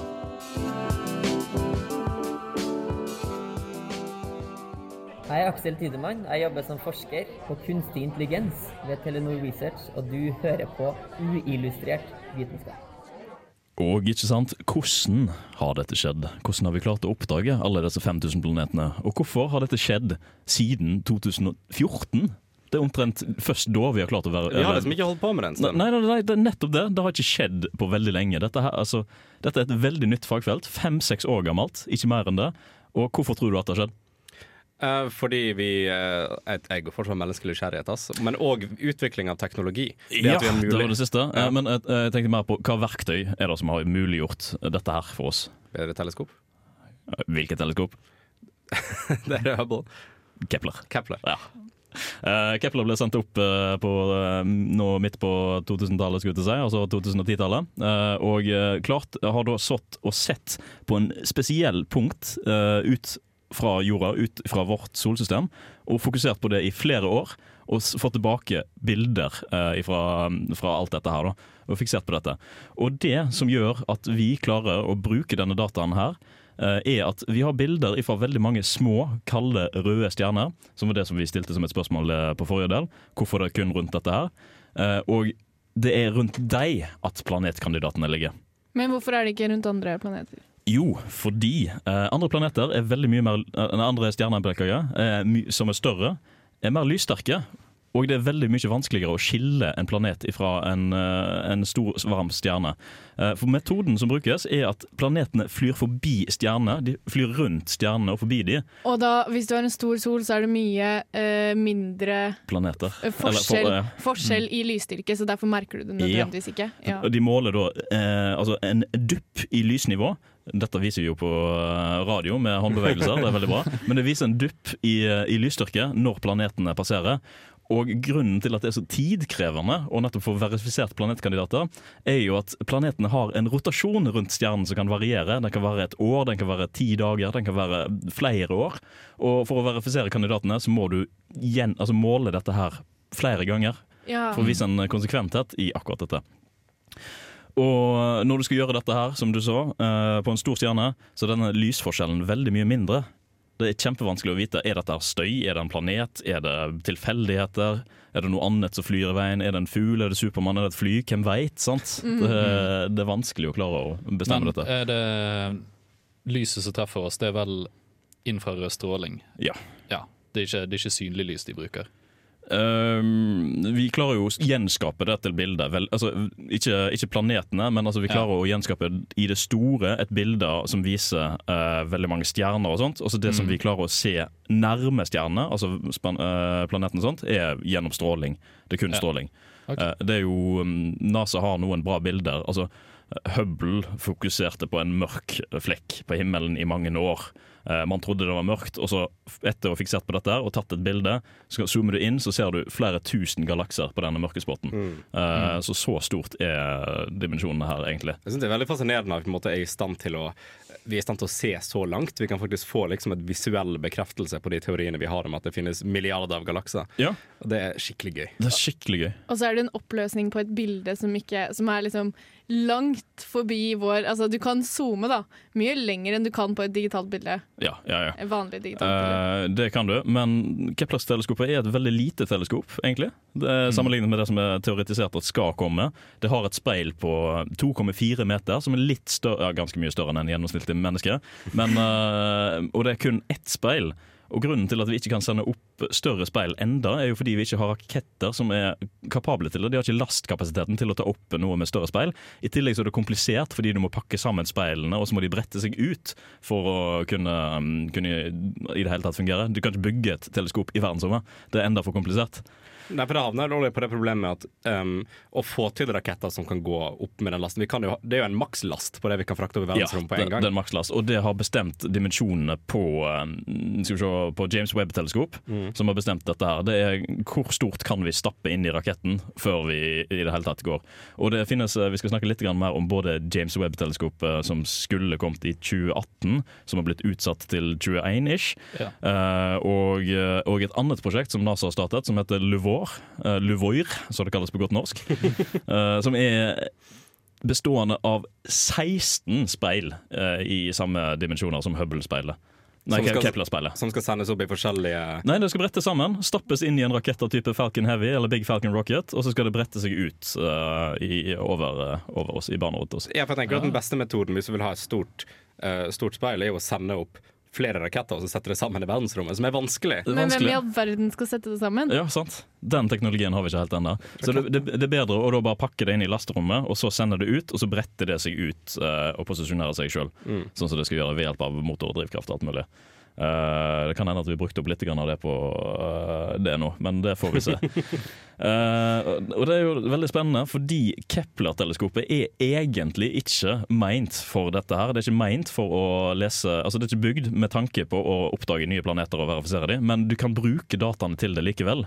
Og det er så bra jobbet av astronomer og astrobiologer og sånn som klarer å bruke dette her til å faktisk lage noe vettig ut av det. Egentlig. Ja. Det var jo meint for å oppdage nye galakser, oppdage nye stjerner. Hvor langt kan vi se og sånt. Så ja, Og så fant vi noe gøy på veien. Vi, vi dro på på eventyr. Ja, ja. Nå snakker vi, sant. Det, er- det er god stemning. Generell god stemning. Men det, det er veldig fascinerende med å se på, se på hvor langt teknologien har kommet. Det at vi tatt er i stand til å gjøre dette. Det er vi i stand til å kikke på andre, andre planeter. Det er liksom som det sies da, jeg er bare det er kjempegøy. Eh, Det at vi har den teknologien. For det er jo helt utenkelig for bare ti år tilbake siden om at dette her hadde aldri gått. Ja, eh, bare en liten rettelse på meg selv. Altså det, det var ikke bygd med tanke på uh, å oppdage andre stjerner på denne måten, her, men det ble likevel gjort. altså Kepler-teleskopet. Uh, så de neste prosjektene som kommer, de har litt grann mer det i baktanke. At dette her er faktisk det vi skal gjøre. Mm. Uh, så de har litt ekstra utstyr sånn som kan eh, brukes på det. da. Men ja. Har du det nå? Nei. Nei. Nei. Jeg, eh, jeg tuller. Eh, ja, vi nevnte jo også så vidt hvor mange planetkandidater som har blitt oppdaget. Og dette har jo som sagt skjedd de siste fem årene. Så det er morsomt å se på grafer og sånt. Det er sånn, ja, det er ingen planeter her, kanskje én der, og sånt, og så kommer du til 2014, 15, 16, ja, 2000, 1600 der, 2000 der. Og så verifiserer du noen her og der. Um, Men det, det er sånn re, rent spekulativt og, og teoretisk. Um, de teleskopene som blir sendt opp, kan de på en måte se ting så nærme at vi kunne sett tegn på liv? Nei. Det kan de ikke. Eh, som, som vi nevnte i sted, så er det det vi får tilbake er bølger. Vi får uh, infrarøde bølger og sånt, Mm. uh, som vi kan danne bilder av, eller målinger av, spektroskopi av, og sånne ting som dette her. Eh, oppløsningen på teleskopene er ikke så store, i hvert fall ikke på Kepler-teleskopet, som kun har ett speil av den dimensjonen. Det er fantastisk eh, bra oppløsning likevel, men vi trenger større oppløsning for å kunne klare å se ut ifra vårt solsystem. Kun, Kunne vi da altså rent teoretisk målt interferens i disse bølgene som hadde kommet fra en annen kilde enn vi sendte ut? Um, det er jeg litt usikker på, men det brukes jo også altså interferensen brukes jo også til å se um, bølgeforskyvning, om du har rødforskyvning eller blåforskyvning, om en galakse eller en planet er på vei mot oss eller fra oss. Det er jo noe som brukes i målinger, men det kan du også måle fra jorden. sånn sett. Du trenger ikke ha noe i verdensrommet for å gjøre det. Riktig. Uh, men uh, hva var det jeg skulle si? Jo, bildet av Pluto som vi hadde før uh, dis nei, Discovery, som passerte forbi. Det, det, det var Discovery. Ja, Discovery. Bildet før det, det var tatt av Kepler. Mener jeg. Ja. Ja. Eller Hubble, en av de to. Og Det er jo et veldig lavoppløst bilde, og Pluto er ikke så langt unna. Pluto er ganske nært sammenlignet med eh, 4,2 lysår unna. Men nå har vi jo fått uh, high res av Pluto. Ja, fordi Discovery tok et bilde. Men hvorfor ser du så mange galakser? Er det fordi man ser på det i lengre tid? Artistic rendition.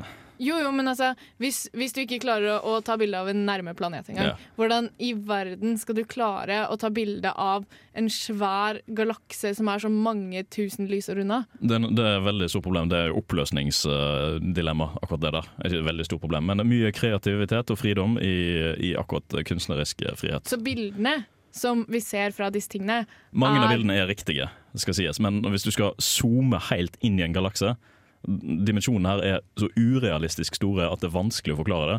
Så er det umulig. Vi kan ta bilder av galakser, ja, men da ser det jo ut som en stjerne med litt sky rundt. på en måte. Ja. Ja. Uh, nå har jeg stått og bablet i veldig lang tid, men så det er kanskje på tide å la noen andre få snakke litt. Grann, fordi vi skal høre litt mer om reise i verdensrommet, Martin. Yes, yes. Vi, Vi- må jo komme oss dit. Vi skal komme oss måte. dit, ja. Uh, Og uh, vi skal kanskje komme oss dit litt raskere enn det Voyager 1 og 2 gjør. Muligens, muligens. Ja. Vi får se. Vi får se. Forhåpentligvis. Forhåpentligvis så skal vi gjøre det.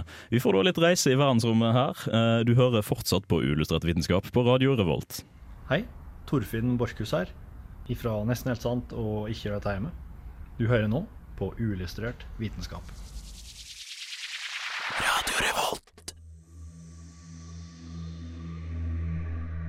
Verdensrommet er ganske stort, har jeg hørt.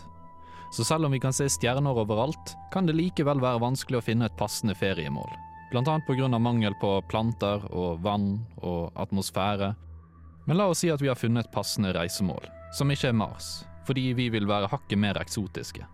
La oss si at vi vil ut av solsystemet. Så bør vi kanskje finne en passende metode for å nå denne planeten utenfor solsystemet vårt. Dagens romfartøy er jo generelt ganske raske. Et av verdens raskeste romfartøy, Voyager 1, har i dag en hastighet på rundt 17 km per sekund. Eller 61 200 km i timen, på vei bom, svosj, rett ut av solsystemet. Ganske raskt, med andre ord. Men selv med den hastigheten så bør vi kanskje likevel begynne lokalt. Relativt lokalt. Omtrent så lokalt vi kommer. Proxima Centauri B er jo et sted å begynne. Med et navn som det så vet vi at den er nær. Relativt nær.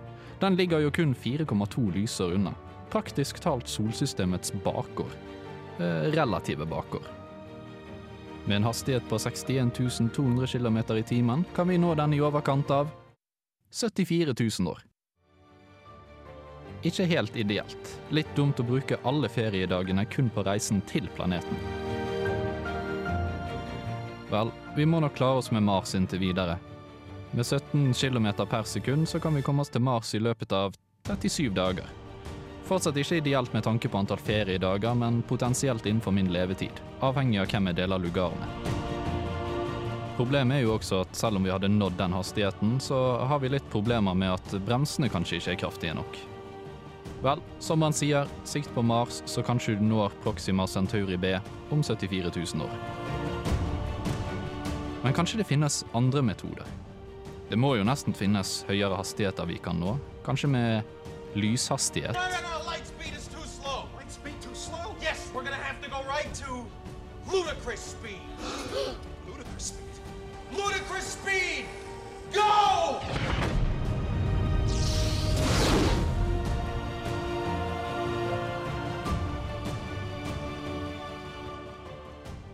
Hi, this is James Grime from Numberphile, and this is Unillustrated Science. Det er helt sant. Det er uillustrert vitenskap du hører på, og fortsatt kommer til å høre på de neste minuttene, forhåpentligvis. For ikke skru av. Vi vil gjerne ha deg som lytter. Please ikke forlat oss. Nei.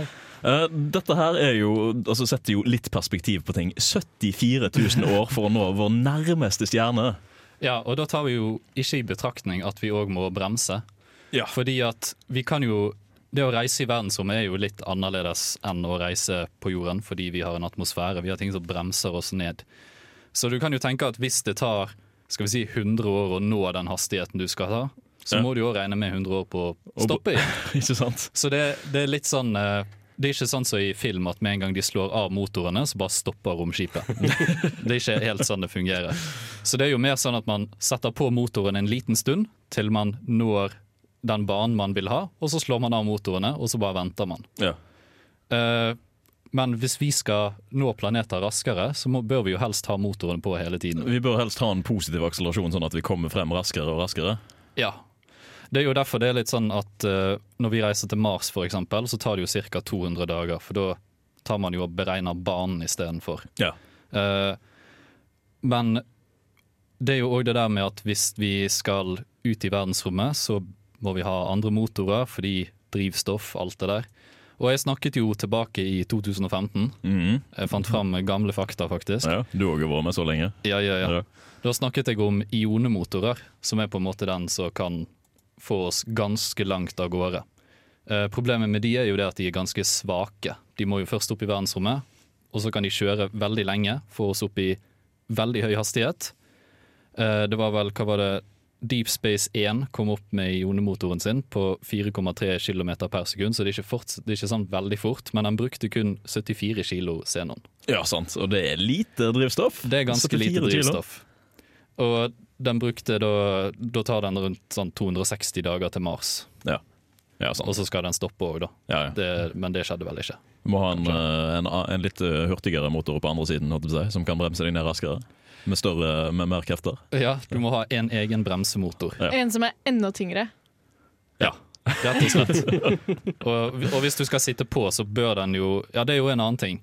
Hvis du skal sitte på denne saken, her, du kan jo ikke akselerere for fort eller bremse for fort. Fordi da blir man jo trykt sammen. Så det er en del fysiske vanskeligheter med det. En annen ting er jo f.eks. det med lyshastighet. Hvis vi skal opp i det, så sto det at eh, vi trenger For å komme opp i en tiendedel av lysfart, så må vi bruke 450 peterhjul med energi. Ja, det er 125 terawattimer, som er omtrent Da begynner vi å nærme oss jordens forbruk, som er på sånn 150 terawattimer. Så ja, det er bare smell på noen, eh, noen stellaratorer og kjernekraftverk på romskipet ditt, så går det fint. det, vet du. Ja, du hadde f.eks. en sånn teoretisk motor, uh, Buzzard Ramjet, som har en makshastighet på 100 000 meter per sekund. Men da så de for seg at de skulle bruke hva var det, 500 kilowatts fusjonsreaktor. så det Ja. Uh, men en ting jeg snakket om for lenge siden, var jo det at hva om du bare kutter ned på reisen istedenfor? Om du bare gjør avstanden mindre istedenfor å reise fortere? Da snakker vi noe uh, wormholes og sånne ting som det. Da snakker vi ja, hyperdrives, for eksempel. -huh. Ludicrous speed. Ludicrous speed. Vi må nok uh, komme oss forbi ridiculous speed først, men det kanskje en gang i fremtiden. For det, jeg snakket jo om for lenge siden, i eh, 2016, om, eh, om Alcubierre Drive, som var en sånn teoretisk mulighet om det å trekke sammen rommet foran seg og utvide det bak. Og dermed så blir det som om man reiser på et samlebånd. Ja. Så man kan holde en viss hastighet, men man når frem fortere fordi man bare gjør avstanden mindre. Men åssen kan du utvide verdensrommet? Det er sånn, det er litt eh, Det klarer det fint sjøl. Eller trekke sammen Ja, det gjør det for så vidt. Trekke sammen verdensrommet. Altså, det høres litt sinnssykt ut for meg, da. Ja, det er jo det. Altså, jeg er jo ikke noen fysiker, så jeg klarer ikke helt å forklare matten bak dette her. Men de har vel regnet seg fram til at det er mulig hvis du finner en såkalt eksotisk materie, oh. som var sånn minus 10 opphøyd i 64 kilo. Eksotisk materie, det vil jeg også Altså, ha. med negativ masse, tenker Negativ masse. Ja, akkurat, ja. Uh, en annen ting er jo det at eh, noen snakket jo om det her, at eh, hvis vi får det her til, så vil jo det her være veldig vanskelig å kontrollere. Og det er òg det der med at kanskje du ødelegger destinasjonen din. Altså, du warper space eh, faktisk så mye at det ikke er der lenger når du skal komme fram. Ja, at du bare du ødelegger det, rett og slett. Så, men eh, han som drev og snakket om det, han sier jo at dette her er nok hundrevis av år fram i tid. eh, om i det hele tatt. Som egentlig det meste vi har snakket om i dag. Veldig Ja. veldig spekulativt hele veien. Altså. Ja, men det, det er fortsatt, fortsatt mye håndfast i det, da. I hvert fall den siste timen her nå. Det er basert det på, på ting som finnes, Ja. ish. Ish. Men, men hvis du skal reise tilbake igjen til jorda, da, og Ja. så bruker du sånn negativ masse, og så, og så har du bare utsletta menneskeheten Ja, det er det, da. Ja, Er altså- det, er det filteret vi møter på? Ja. Ja, der har du det. Vi har løst det. Noen har løst det. Men uh, vi har jo veldig mange uh, prosjekter eh, gående. Altså, dette her er jo litt teoretiske greier også. Ja. Og så snakket vi litt grann i forrige stykke om, om disse her andre greiene som vi bruker for å finne liv på jorda. Vi snakket om James Webb-teleskop, Mm. som er et teleskop som er seks-syv ganger større enn Kepler.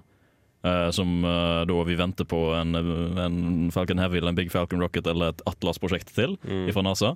Eh, som skal sendes opp. Og så har vi Louvore, eh, som eh, var dette her Det sto for Large UV Optical Infrared Surveyor. Ja, den, ja. Og, og består av disse her 16 uh, speilene. Og det er litt morsomt, fordi hvis du vil ha et bilde av hvordan det ser ut, så bare google navnet, selvsagt. Men det ser ut som en Star Destroyer fra Star Wars, faktisk. Å, det er gøy. Nå er vi i gang med science fiction. Ja, ja. Det er veldig, veldig fascinerende. Uh, Så det er Er det, gøy. er det nå vi skal sitte og måle stats? Måle Hvor, hvor stor er ditt uh, sånn her solskjold? Det vent litt, jeg må finne statsene mine først. Nei, eh, vi skal ikke se på det. Min, min er 21,197 meter. 1, Ganger 1,197, ja. Det, Det handler ikke om hvor stort solskjoldet ditt er, det handler om hvordan du bruker det. hvordan det er vinklet mot Og- sola. Og Kepler er jo da Nei, det var, eh, det var Kepler var lite. Ja. Kepler mm. gjør så godt han kan, og Kepler får det bra til. Vi er veldig Ikke glad i? Kepler. Det handler ikke om størrelse. Ikke i det hele tatt. Ikke i det hele tatt. Men vi er dessverre kommet til eh, veis ende for denne sendingen. Vi har stått nå og bablet i uh, snart uh, 120 minutter. Uh, før vi kommer så langt, så skal vi høre en liten låt til, eller en liten rest av låtene til, eh, og ta en eh, skikkelig avslutning sammen med dere. Eh, før vi kommer så langt, så får du høre Hard Dance Brainia, Brainia, Brainia. Ja, av Aiming for Enrique. Du får det her på Radio Revolt. Fordi du er den karismatiske nerden i alle Hollywood-filmer med den karismatiske nerden. Fordi du er en stolt og lojal lytter av uillustrert vitenskap. Det er du, med mindre den forrige låten skremte deg sønder og sammen. For det var en hard låt. Jeg skal ta det opp med våre Nei, jeg skal ikke gjøre det. Det var en ja, kjempefin låt. Tusen takk skal du ha, eh, Bra safe. Ravn, for at eh, du musikkproduserer oss. Mm. Bare legger skylda over. Nei, men vi har faktisk eh, kommet oss gjennom eh, vår første totimerssending. Vi lever enda, og vi hater ikke hverandre. Eh, så jeg er Ikke så mye, i hvert fall. Nei, jeg er veldig fornøyd med, med utfallet. Hvor mye vi har kont- contributed til verden og løst verdensproblemer i dag. Det har vært veldig bra. Vår løsning på verdensproblemene er rett og slett bare å dra fra det. Ja. Eh, vi leter ennå etter en bra planet å bo på, men det er lovende tall og snakkes. Men vi, har, men vi har forberedt folk på de katastrofene som kan skje. Ja, ja, ja, sant. Nå må du bare sørge for at du har eh, minst eh, 30 liter vann i din boenhet, og eh, nok toalettpapir til å overleve. Toalettpapir er det viktigste. Ja. Du er en del av Norges beredskap. Er Ja. Det det de sier? Det det Og, og, og uillustrert vitenskap, vi skal føre menneskeheten videre. Unnskyld meg. ja. Eh, på det bombeskjellet der så må vi runde av sendingen, fordi vi har da i dag snakket om uh, dommedag på jord, om mennesker uh, kommer til å overleve, hvilke sjanser vi har for å overleve. Vi har snakket om astrobiologi, der vi har gått innom uh, finnes det liv i andre steder i verdensrommet. Vi har snakket om habitable soner, og hvordan vi finner liv i verdensrommet, og ikke minst hvordan vi skal reise interstellart. Kult. Det var veldig spennende. Gøy. Eh, hvis du har lyst til å høre flere sendinger som vi har hatt tidligere, så ta en tur inn på radiorevolt.no og finn Uillustrert vitenskap der, eller på din favorittpodkast-app, deriblant eh, Spotify. Eh, ta også en tur innom eh, Facebook for å gi oss en like på siden der. Du finner oss på Uillustrert vitenskap, og ikke minst på vår Instagram-konto. Ta og Gi oss en eh, dab på den eh, siden også, så skal du få se inside Information. du forstår ikke ungdom. Folk dabber ikke på Jeg er faktisk for gammel for Nei, men uh, takk for i dag. Mitt navn har vært Andreas Haugland, og med meg i studio har jeg hatt Riple. Ha det bra. Jeg har hatt Kristine. Ha det bra. Og jeg har hatt Martin. Ha det bra. Vi ses om en ukes tid.